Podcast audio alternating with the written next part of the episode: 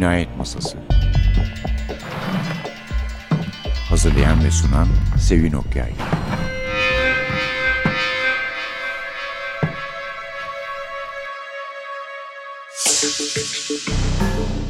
Merhaba, NTV Radyo'nun Cinayet Masası programına hoş geldiniz.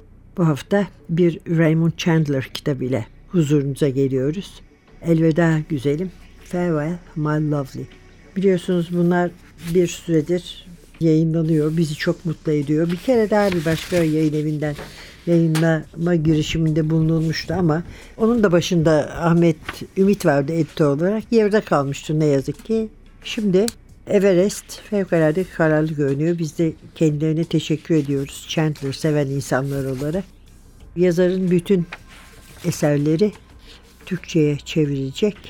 Zaten fazla değil sayıları dolayısıyla bir zorluk da çekmezler yani tamamlamakta. Sonra da sanıyorum Dashiell Hammett'leri de bitirecekler. Doğrusu Hardboiled sevenler için özellikle Dashiell Hammett sanki daha farklı gibi gelir hep bana. Raymond Chandler'ın bende yani yeri daha farklıdır ve Philip Marlowe'un da karakter olarak çok güzel bir kapağı var. Ama mesela benim Philip Marlowe'um bu kapaktaki insan değil daha farklı bir Philip Marlowe düşünüyorum. Ama bunu da şaşmamak lazım. Çünkü belki de kitapları okumadan önce filmleri görmüştük. Benim aklımda her şeye rağmen sanki Humphrey Bogart'ın oynadığı Marlowe'lar başka bir insanmış gibi hep Robert Mitchum'un yüzüyle kalmıştır. Yani benim Philip Marlowe çehrem Robert Mitchum'un yüzü. Efendim Ahmet Ümit bir giriş yazıyor bu kitapların hepsine.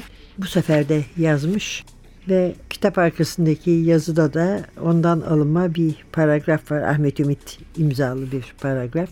Dev iriliğinde bir adam, kıdemli bir gangster. Hapisten yeni çıkmış, sevdiği kadını arıyor. Bir bataklıkta bulduğu, bir bataklıkta bırakıp hapse girdiği kadın. Hasretini uzun hapishane gecelerine katık ettiği eski sevgilisini. Öldürmek için değil, hala kadına aşık olduğu için. Elbette gergin, sabırsız ve öfke dolu. Hiç kuşkusuz yolu dedektifimiz Philip Marlowe'la kesişecek. Dedektifimiz önce bu işe pek sıcak bakmasa da ister istemez kendini olayların ortasında bulacak. Çünkü bu aşk hikayesinin derinliklerinde başka entrikalar olduğunu fark edecek.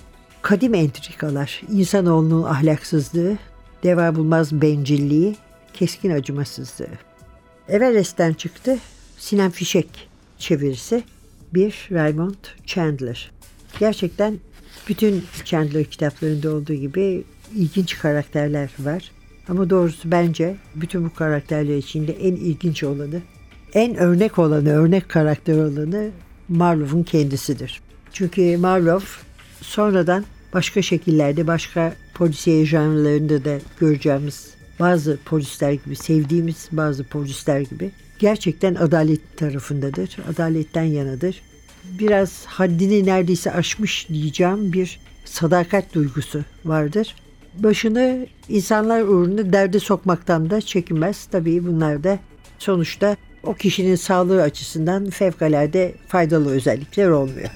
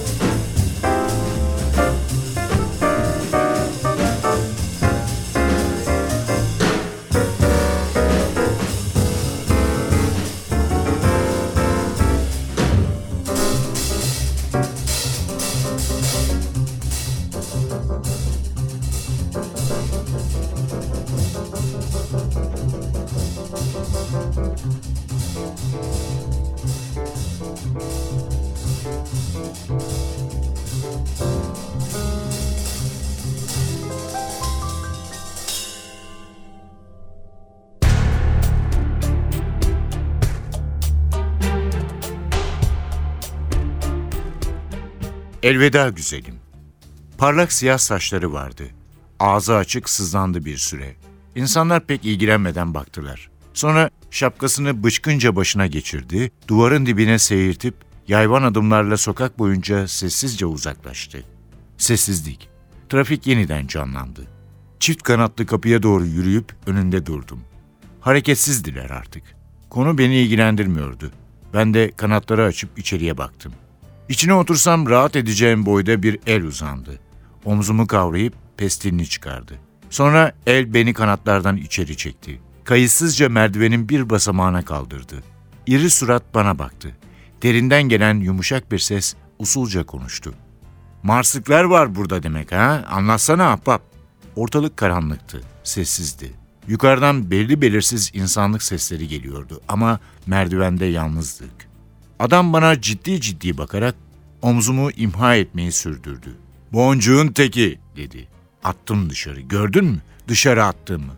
Omzumu bıraktı. Kemik kırılmamıştı sanki ama kol uyuşmuştu. Öyle bir yer işte dedim omzumu ovarak. Öyle deme ahbap diye mırladı. Sofradan yeni kalkmış dört kaplan gibi. Velma çalışırdı burada. Velmacık. Omzuma uzandı yine.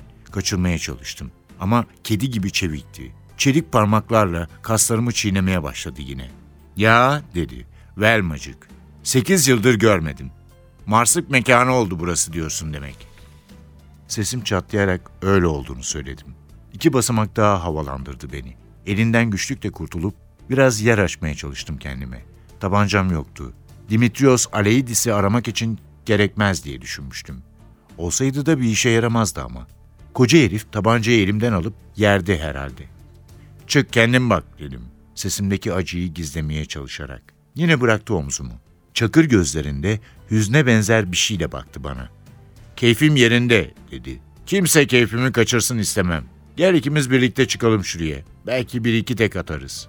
İçki vermezler sana. Dedim ya, zenci yeri burası. Velma'yı sekiz yıldır görmedim dedi tok, hüzünlü sesiyle. Upuzun sekiz yıl geçti. Elveda diyeli. Altı yıldır da yazmıyor bana. Ama vardır bir bildiği. Burada çalışırdı, çok güzeldi. Hadi çıkalım yukarı. Tamam.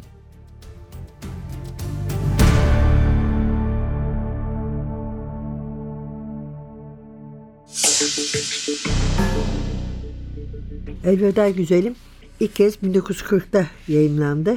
Raymond Chandler serisinin üçüncü kitabı. Everest Chandler kitaplarını Ahmet Ümit editörlüğünde sunuyor. Marlowe'dan bahsetmiştik. Gene de bahsetmek isteriz ama önce isterseniz kitabın gizlerini ele vermeyecek bir özetini yapalım. Adamımız Philip Marlowe yani ona bir şey getirmeyecek çok da önemi olmayan bir davayla öylesine uğraşıyor. Derken eski gangster Moose Malloy ile karşılaşıyor. Bu Moose Malloy dev iriliğindeki adam işte. Bir gece kulübüne giriyor. Eski sevgilisini arıyor orada. Bir de tabii döneme özgü bir ırk ayrımı da var ve bu Malloy'un şimdi Afrikalı Amerikalı dediğimiz siyah devlilere muamelesinden, hitabından da çok net bir şekilde anlaşılıyor. Yani Marsık ki bunu sanıyorum Can Yücel kullanmıştı ilk kez nigger ya da negro için. Boncuk diyor ve yani adamdan saymıyor açıkçası. Bu da zaten hemen hemen herkes tarafından benimsenmiş bir tavra benziyor bu kitap itibariyle. Sahip değiştirmiş. Kız orada yok artık. Onun aradığı kız sevgilisi şarkıcı Velma Valento. Marslıkların elinde kulüp şu anda ve sonunda müdürü öldürüyor ve kaçıyor. Marlowe da bu olayı izlemeye karar veriyor. Her zamanki gibi polisler burnunu sokmamasını tembih ettikleri halde ve kulübün eski sahibinin dul eşini buluyor. Kadın ona Velma'nın öldüğünü söylüyor.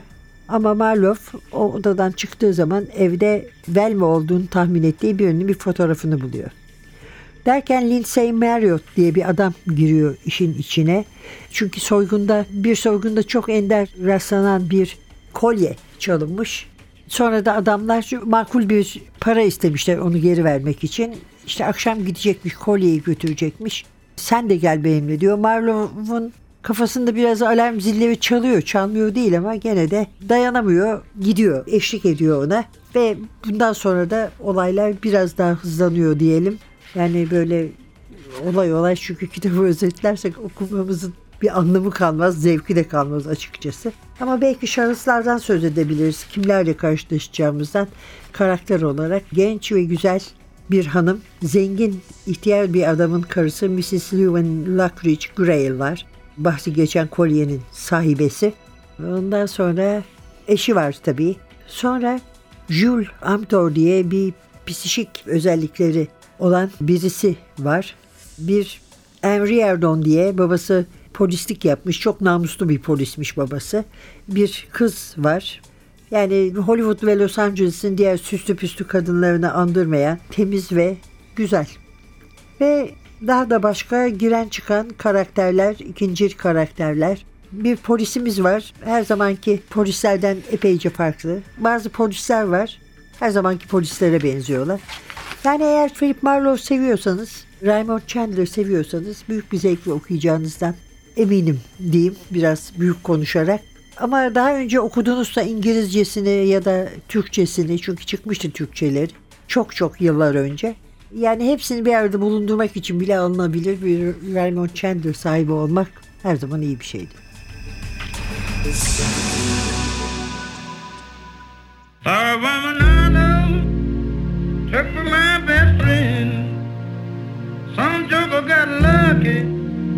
Stole her back again.